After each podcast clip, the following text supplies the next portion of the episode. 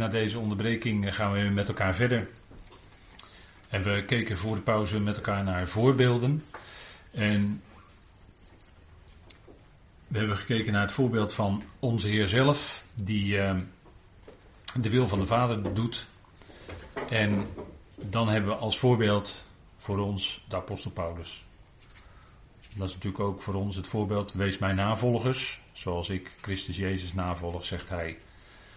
En hoe leefde Paulus? Paulus zijn hele leven was erop gericht om evangelie te verspreiden, evangelie te spreken. Daarvoor was hij geroepen. Zijn roeping was natuurlijk een en al genade. Hij blies dreiging en moord tegen de discipelen die van de weg waren. Uh, Paulus. En op dat moment werd hij geroepen. Dat was een enorm genade moment.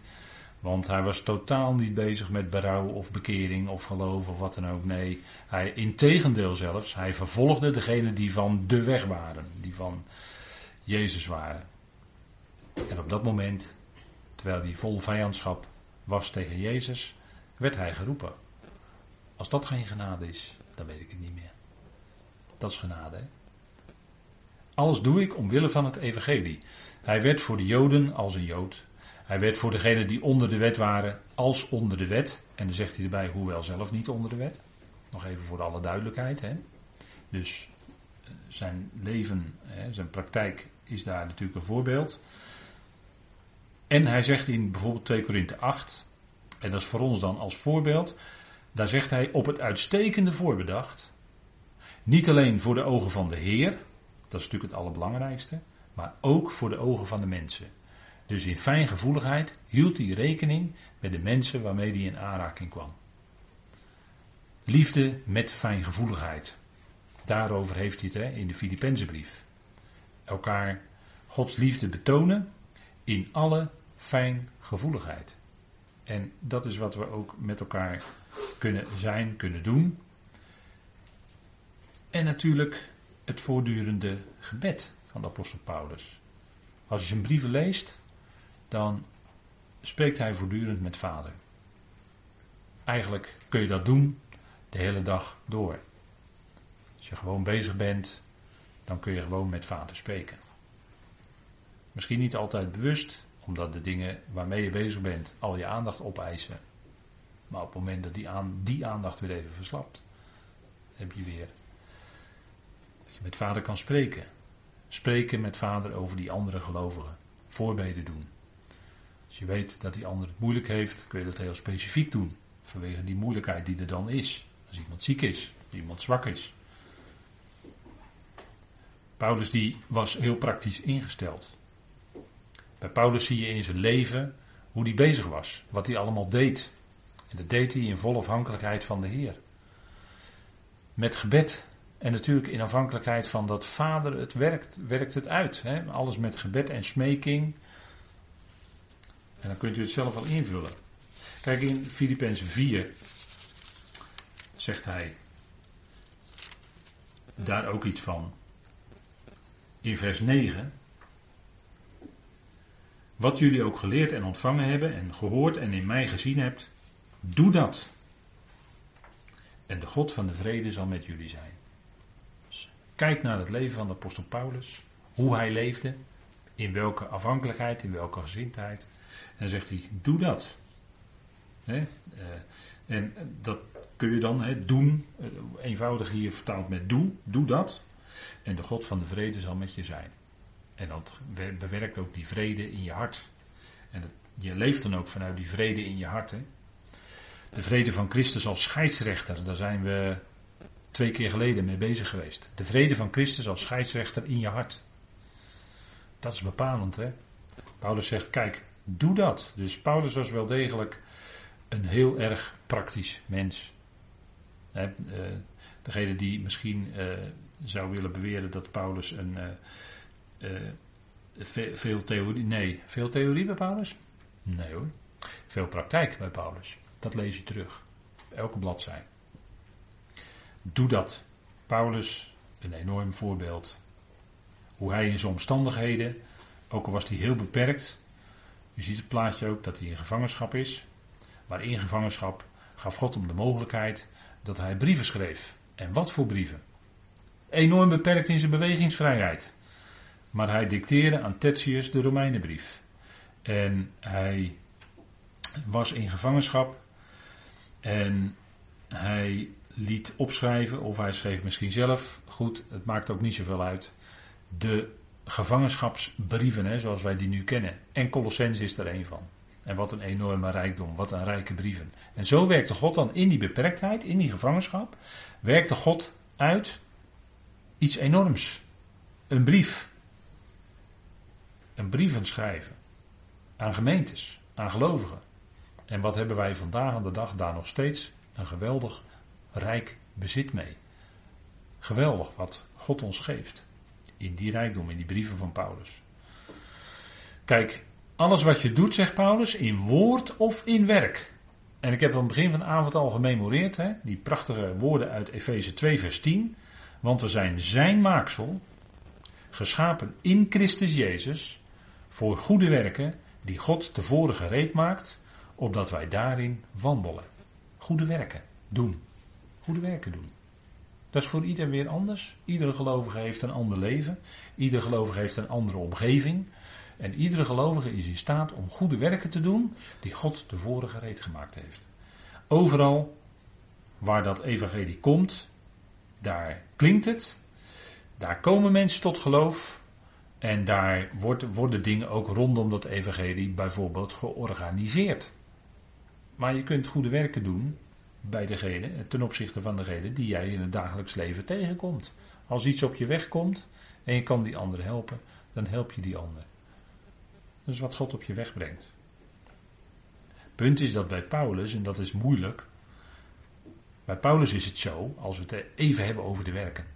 Want dat, is, dat blijft onder gelovigen toch steeds maar zo'n heikel onderwerp. Hè? Die werken en dan die rechtvaardiging. Kijk, bij Paulus is het zo dat wij niet uit werken gerechtvaardigd zijn. Maar uit een ingenade van God. Dat is volgens mensen zo moeilijk. Je redding, daar kan je niks voor doen. God werkt die redding wel uit. Maar jij kan er niks eh, voor doen.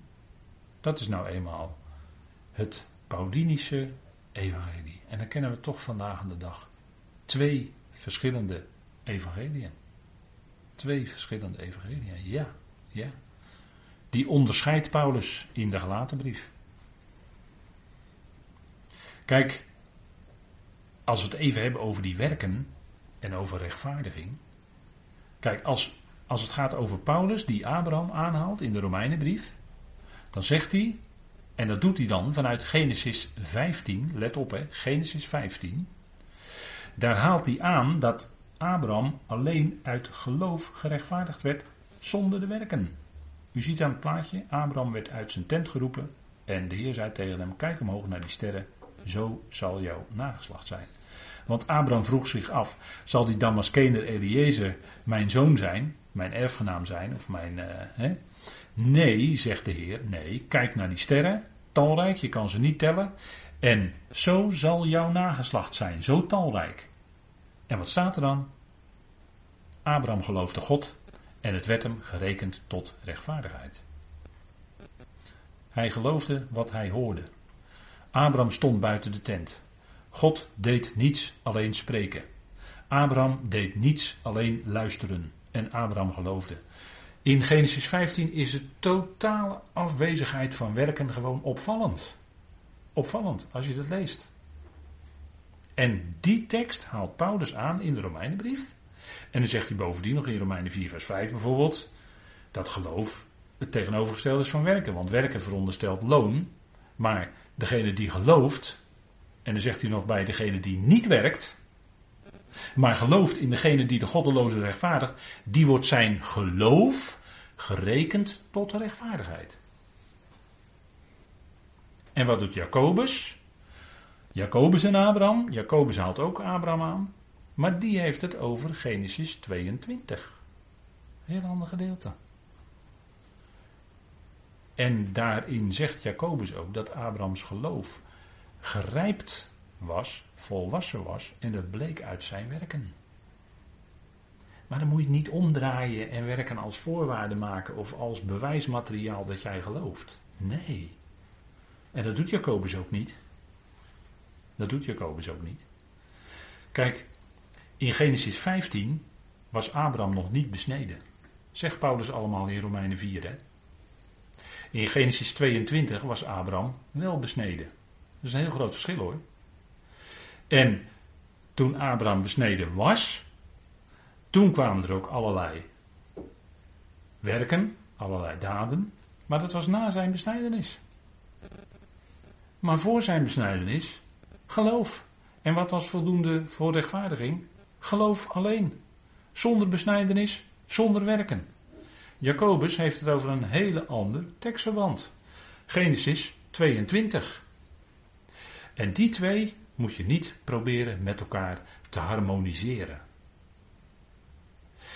Kijk, wij hadden in de Bijbelschooltijd, en dan praat ik over de jaren 1980 en 1983, hadden wij al gesprekken over Paulus en Jacobus. En rechtvaardiging en werken. Toen hadden we er al gesprekken over. Ik wil niet zeggen discussies, maar wel gesprekken. Hoe dat nou toch zat. En dan probeerde men Jacobus en Paulus met elkaar te laten harmoniëren. Gaat niet, kan je niet doen. Waarom niet? Omdat de setting nu eenmaal anders is. Omdat Jacobus nu eenmaal schrijft aan de twaalf stammen in de verstrooiing. En dat eerste vers staat er niet voor niks. Dat is de setting bij Jacobus. Dat is helemaal gericht aan de twaalf stammen. Dat is gericht aan bijvoorbeeld die zeven gemeentes die in openbaring 2 en 3 staan. Waarin het heel duidelijk gaat om werken.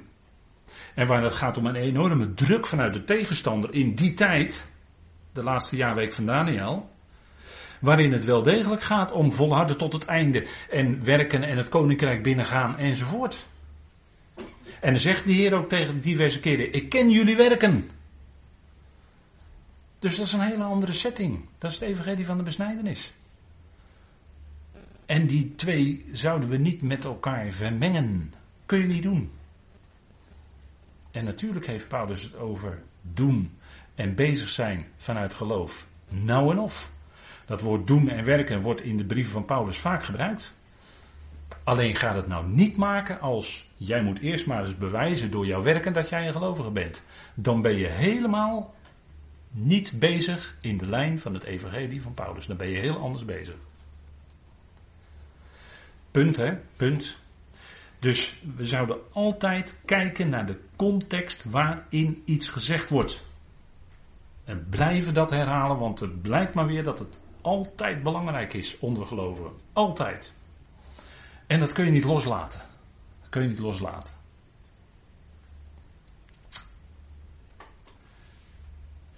Gelukkig is er geen bewijs nodig voor God. voor de pauze hadden we het al met elkaar over Romeinen 8. Heel even haalde ik dat aan. Kijk, wie worden er geroepen? Dat zijn degenen die tevoren gekend zijn. Dat zijn degenen die tevoren bestemd zijn. Door wie? Door God. En die worden ook geroepen. Door wie? Door God. Die roept uit. En wat zit je dan met te willen bewijzen van werken? Dat gaat toch helemaal niet? Dat kan toch helemaal niet? En we hebben toch gezien dat God alles bewerkt, dat God alles doet. Dat kun je zo uit de schrift laten zien, heel eenvoudig. God bewerkt het alles in ons.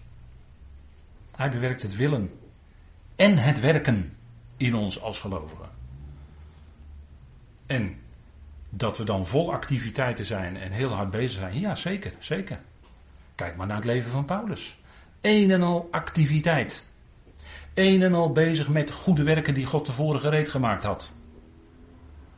Paulus zat niet stil, geen dag. Als het daarover gaat, ja. Maar nogmaals, hè, omdat dit gesprek, of ik wil niet zeggen discussie, maar dat ondergelovigen duikt dat steeds weer op. Paulus en Jacobus, ja, ja, dan haal ik mijn schouders op en dan denk ik, ach, daar heb je het weer, daar heb je het weer.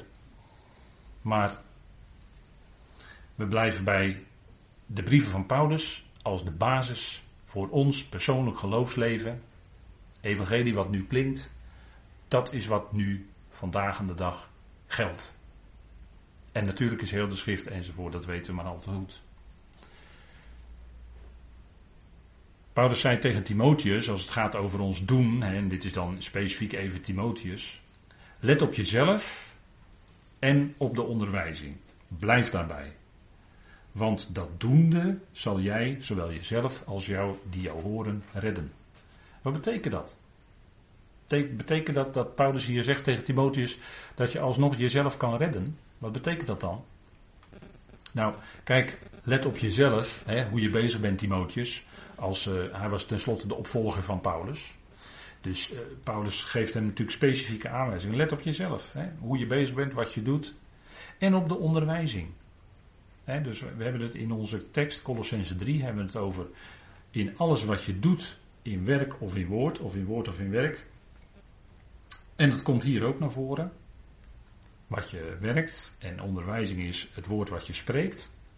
En het punt is, blijf daarbij. Blijf bij wat je van Paulus gehoord hebt. Blijf daarbij. En dat zou ik dan ook vanavond tegen u en mezelf willen zeggen. Blijf daarbij. Wil je die vreugde van de genade in je leven vasthouden, hè, voor zover je dat eh, zelf kan. Maar wil je blijven bij die vreugde van de genade, ja, dat willen we toch. Daar willen we toch graag bij blijven. U wil dat, ik wil dat. Blijf daarbij. Want dat doende zal je wel jezelf als die jou horen redden. Redden is in hier dan, in deze context, het redden van dwaling. Want Timotheus moest juist anderen aanspreken dat zij geen andere leer zouden onderwijzen. En dat hebben we met elkaar meerdere keren al overwogen. Dat eerste hoofdstuk van 1 Timotheus is, daar gaat het over de wet. Daar gaat het over leraren van de wet. Die dat willen onderwijzen. En waarvan Paulus dan zegt, zij weten niet eens waar ze mee bezig zijn. Ze zijn leraars van de wet. En ze menen het misschien heel goed te doen, maar ze weten in wezen niet eens wat ze doen. Paulus zegt, Timotheus, jij moet tegen die mensen zeggen die, die daarmee bezig zijn, dat ze dat daarvan afblijven en doorgaan in de genade. Dat vul ik dan even met mijn eigen woorden in. Maar dat is in feite de stekking van wat Paulus daar zegt tegen Timotheus. Dus eerste brief aan Timotheus, eerste hoofdstuk, eerste wat hij zegt, leraars van de wet. Die moest Timotheus aanspreken. Blijf bij de genade. Ga niet naar die wet terug. En dan word je gered van die dwaling, want als je bezig bent met de wet terwijl je in genade geroepen bent, dan ben je bezig met dwaling. En valse werken. er wordt heel veel gewerkt, ook vandaag aan de dag op christelijke erfs. Er wordt heel veel gedaan, heel veel gewerkt, heel veel activiteit. Maar zijn dat werken die terecht zijn? Is dat raak, dat werk? Of moeten we toch zeggen dat het een beetje pseudo is, hè, wat Paulus hier gebruikt, valse werk? Daarvan gered worden.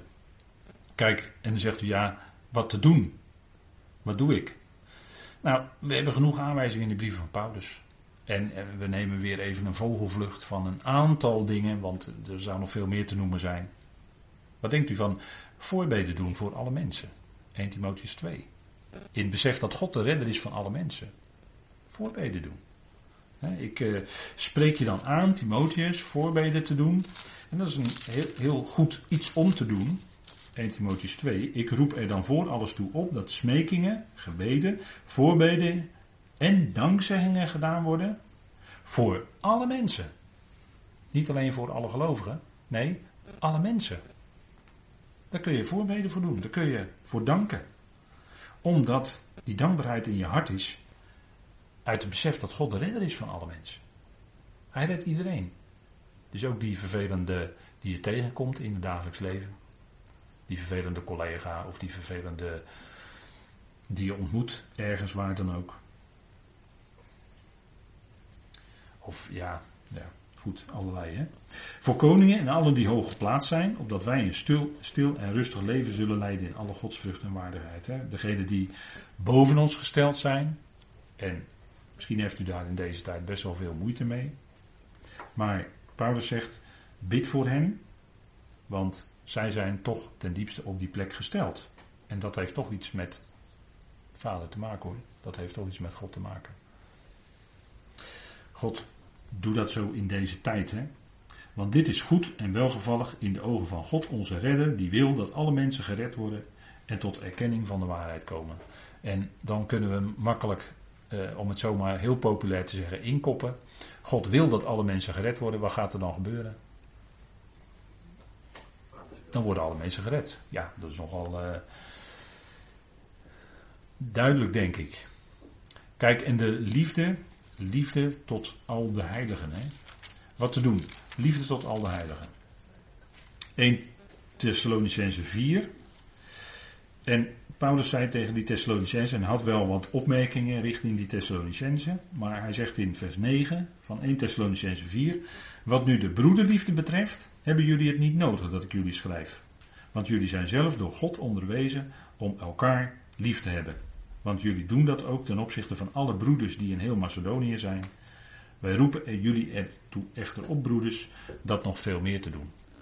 En dat is natuurlijk fijn dat ze ook in de omgeving de andere broeders en uh, ja, als ik het buurland, dan moet ik het woord geschwister zeggen. Hè.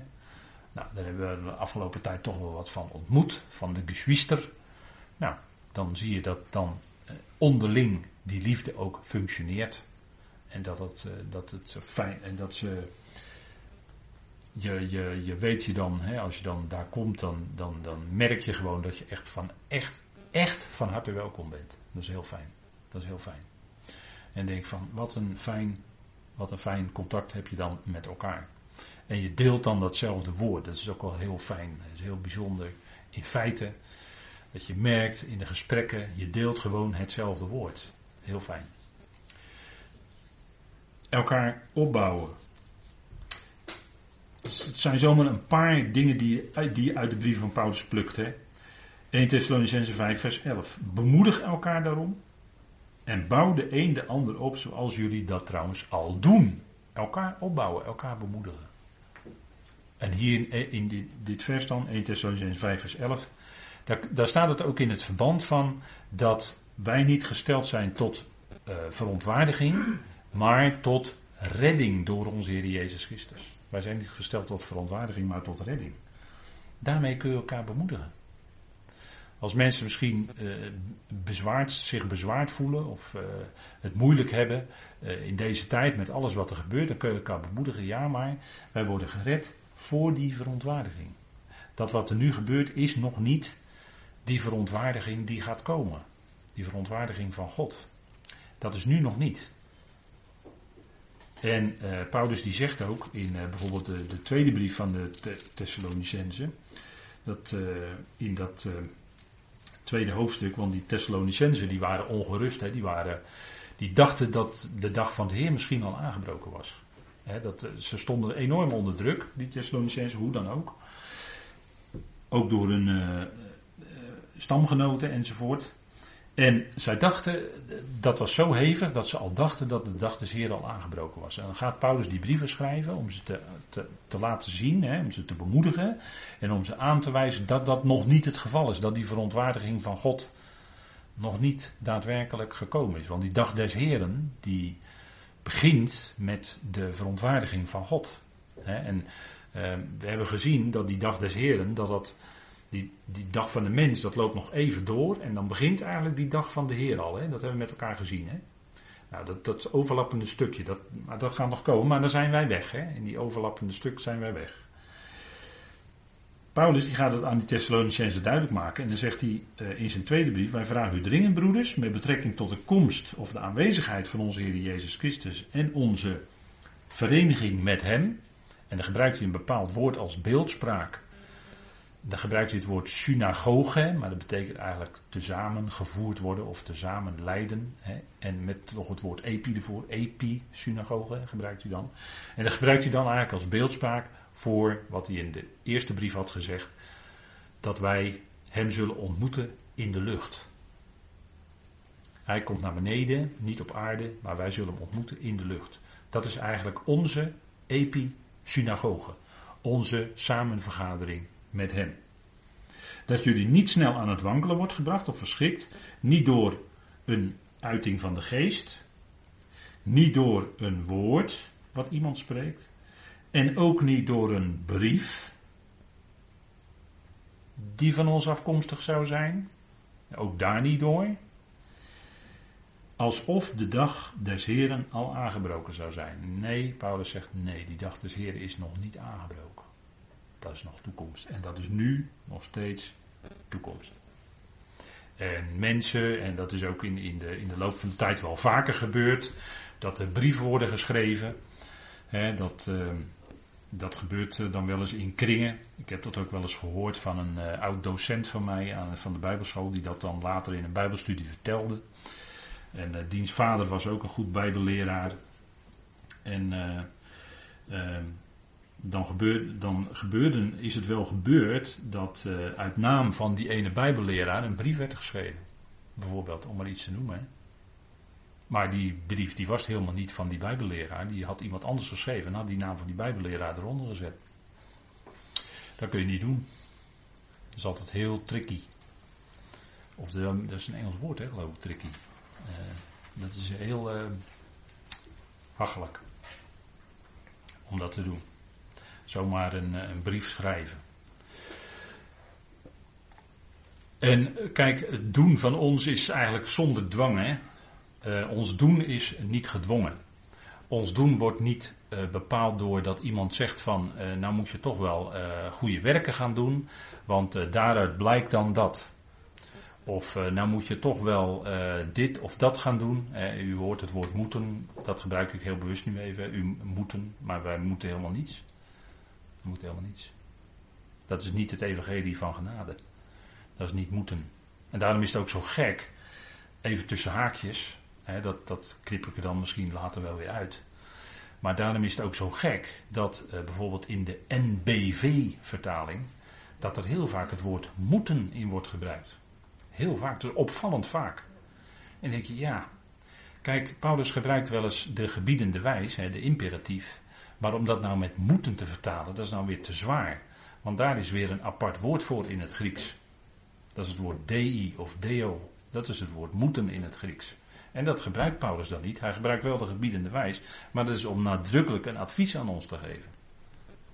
Kijk, in het Evangelie van de Genade zegt Paulus heel veel van ons gedrag.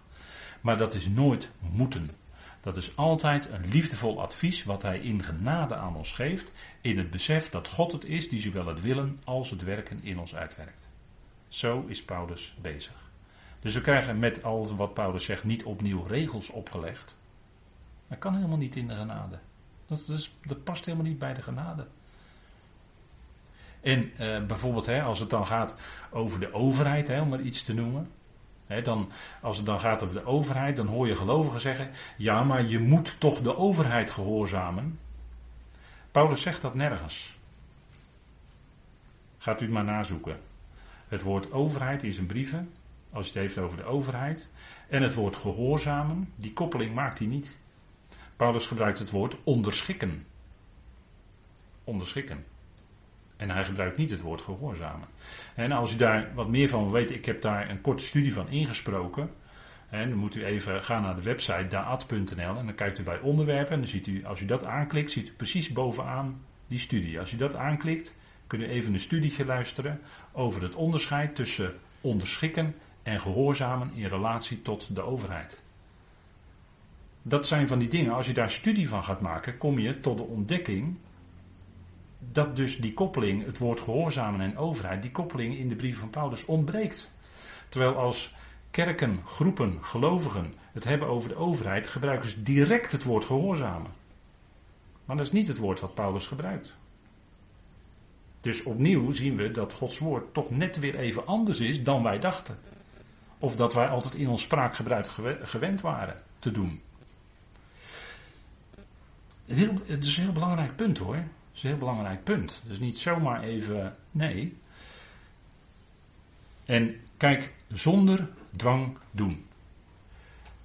Uh, als de geest werkt, is er vrijheid.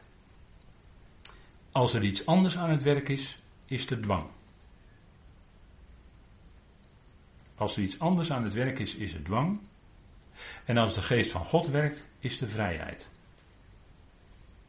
Waar de geest van de Heer is, daar is vrijheid, zegt Paulus. Hè? 2 Korinthe 3, laatste verse.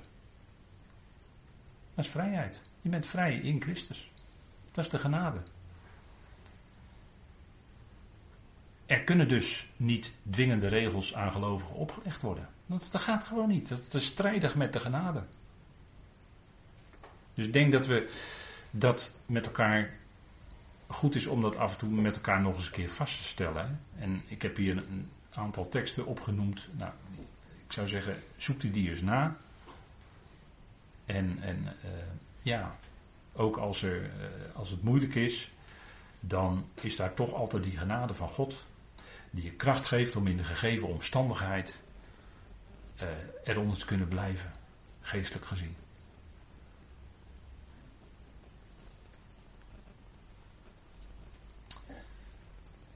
En dan zegt Paulus, in woord of in werk doet het alles in de naam van onze Heer Jezus Christus. Het is onder, ja, het is met die aangename geur zou ik willen zeggen van die naam. De naam van onze Heer Jezus Christus. En in naam van betekent, hè, dat, dat, dat zijn we misschien een beetje kwijtgeraakt in ons spraakgebruik of in ons begrip. Maar in de naam van iemand iets doen wil dus zeggen in zijn opdracht. Hè, hier met een hoofdletter. In zijn dienst. Je doet het voor hem. Je wil het tot zijn eer doen. Tot zijn verheerlijking. Dat zegt Paulus in 1 eh, Korinthe 10. Vers 31. Of je dus eet of drinkt of iets doet. En natuurlijk is dat altijd een beperkte opzomming. Eten, drinken, iets doen. Dat is natuurlijk allemaal eh, beperkend. En hij, natuurlijk gaat het dan om alles wat je doet. Doet het alles tot eer van God. Dus wat je ook doet in je leven, doe dat tot eer van God. Dat is in feite de aanwijzing die hij geeft. Hè? In de naam van onze Heer Jezus Christus. Biddend bezig zijn. Biddend bezig zijn met wat je doet. Biddend bezig zijn met je werk. Waar dan ook. Hoe dan ook. En dan God de Vader dankend. En dat is de ondertoon die hier klinkt in deze versen. vers 15 hebben we met elkaar gezien, zegt Paulus, en wees dankbaar. Vers 16, met dankbaarheid of met genade in jullie hart tot God. Ook de dankbaarheid, hè? En dan vers 17, hier waar we nu mee bezig zijn, God de Vader dankend. Echt danken. En zegt u ja, soms is dat moeilijk om, om God te danken. Dan zou ik willen zeggen, ga God dan danken. Je gevoel kan wel eens zeggen, ja, maar nu vind ik het moeilijk om God te danken. Dan zou ik willen zeggen, ga dwars tegen jouw eigen gevoel in, want dat heeft wel met de ziel te maken. Ga God danken. En dan is het misschien moeilijk de situatie waarin je bent. Maar waar kun je God dan voor danken? Dan zegt u misschien, nou, ik kan me niet danken voor de situatie waar ik nu in ben. Nee, dat kan ik me goed voorstellen. Als mens kun je dat best hebben. Kun je als gelovige ook dat gevoel wel eens hebben? Tuurlijk. Maar waar kun je dan voor danken? Dank dan God voor de zegeningen die je hebt ontvangen in Christus. En als je wat te binnen schiet, benoem die. En dank Vader ervoor dat je dat hebt ontvangen. De redding van de zonde en de dood.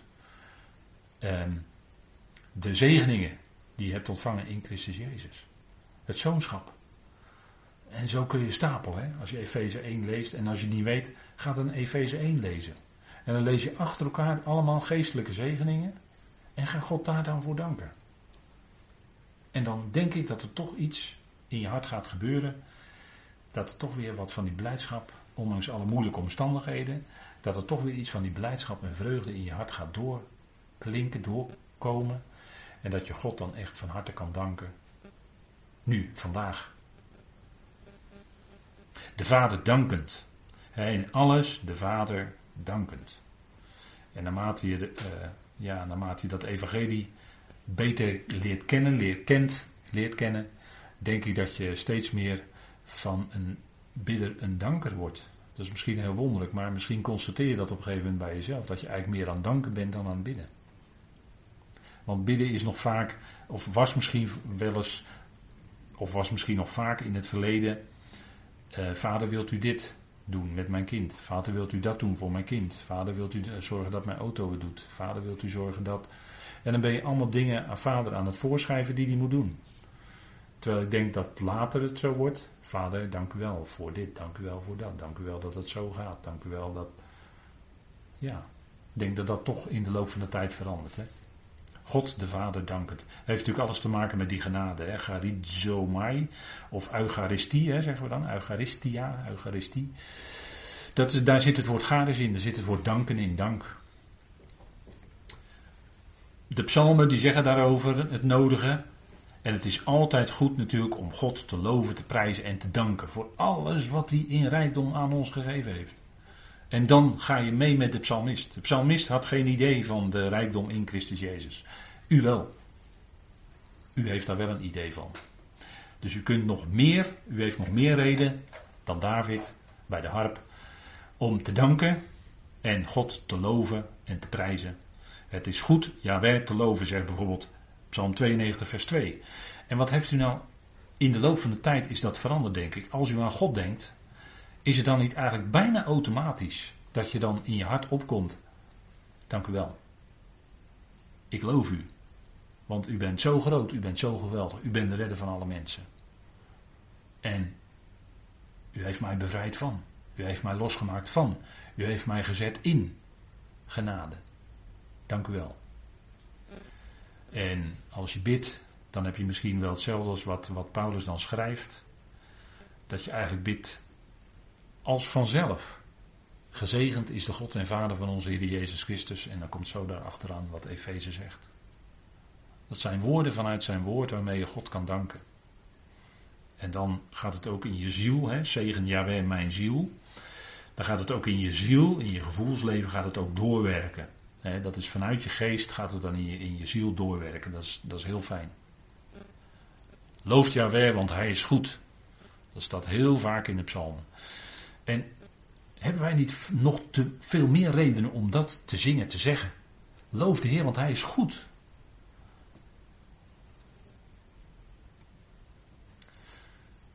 Danken. Ik heb maar even een, ook weer een korte bloemlezing uit de brieven van Paulus hier opgezomd voor u. Danken voor de genade.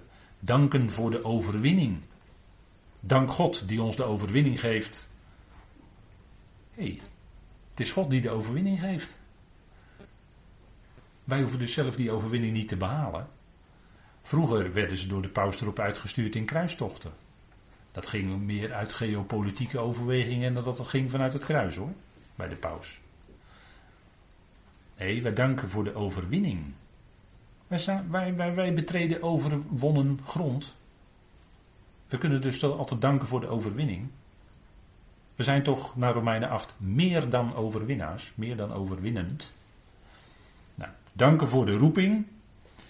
Danken dus misschien wel, wordt, nou komen we misschien weer op iets moeilijker terrein, om het zo maar te zeggen. Danken voor de wil van God. Paulus zegt in 1 Thessalonicense 5, dankt God in alles, in alles, want dat is de wil van God in Christus Jezus voor jullie. En in dat alles, daar zit dus eigenlijk alles in. Dankt God in alles. Want dat is de wil van God. Dus wat, dat alles, dat is die wil van God in je leven. En daarin God danken. En danken bij alles wat je bidt. Hè. Onze gebedgids is natuurlijk Filippenzen 4, vers 6 en 7. Met dankzegging de dingen bekendmaken bij God. We danken God de Vader. Is dat niet geweldig? En een afsluiter is vanavond. Ja, God onze Vader. Hoe kunnen we beter afsluiten dan hiermee? God die onze Vader is. En God is alles en veel meer Kijk, menselijke vaders, die zijn maar zo beperkt met heel veel fouten en gebreken. En daar kijk je misschien met verdriet zelfs wel op terug, die jeugd. Maar die vader die we mogen kennen, die hemelse vader, om het zo maar te zeggen. God de vader. Ja, als je aan die vader denkt, dan kun je eigenlijk alleen maar danken. Dat is alleen maar dankbaarheid wat in je opkomt. Hè? God de vader danken. En hij is de vader van Christus. Hij is de vader van Israël. Hij is onze vader. Wij roepen, en misschien hebben we weinig woorden, maar dan roepen we Abba, vader. Want we hebben die geest van het zoonschap immers ontvangen. En hij is de vader uiteindelijk van allen. Geweldig woord uit Efeze 3. Hè? Hij is de vader van allen ten diepste. Alleen heel velen weten dat nog niet. En u en ik, wij mogen dat wel weten. Nou, zullen we dat dan eh, doen? Zullen we hem danken? Vader, dank u wel dat we aan het eind van deze avond mogen afsluiten met u als onze Vader. En we danken u, we loven en prijzen u. Dat u onze Vader bent en dat u uitzet in ons leven wat uw wil is. En Vader, ten diepste, dan is het goed. Is het goed wat u doet? Is het goed wat u bedoelt?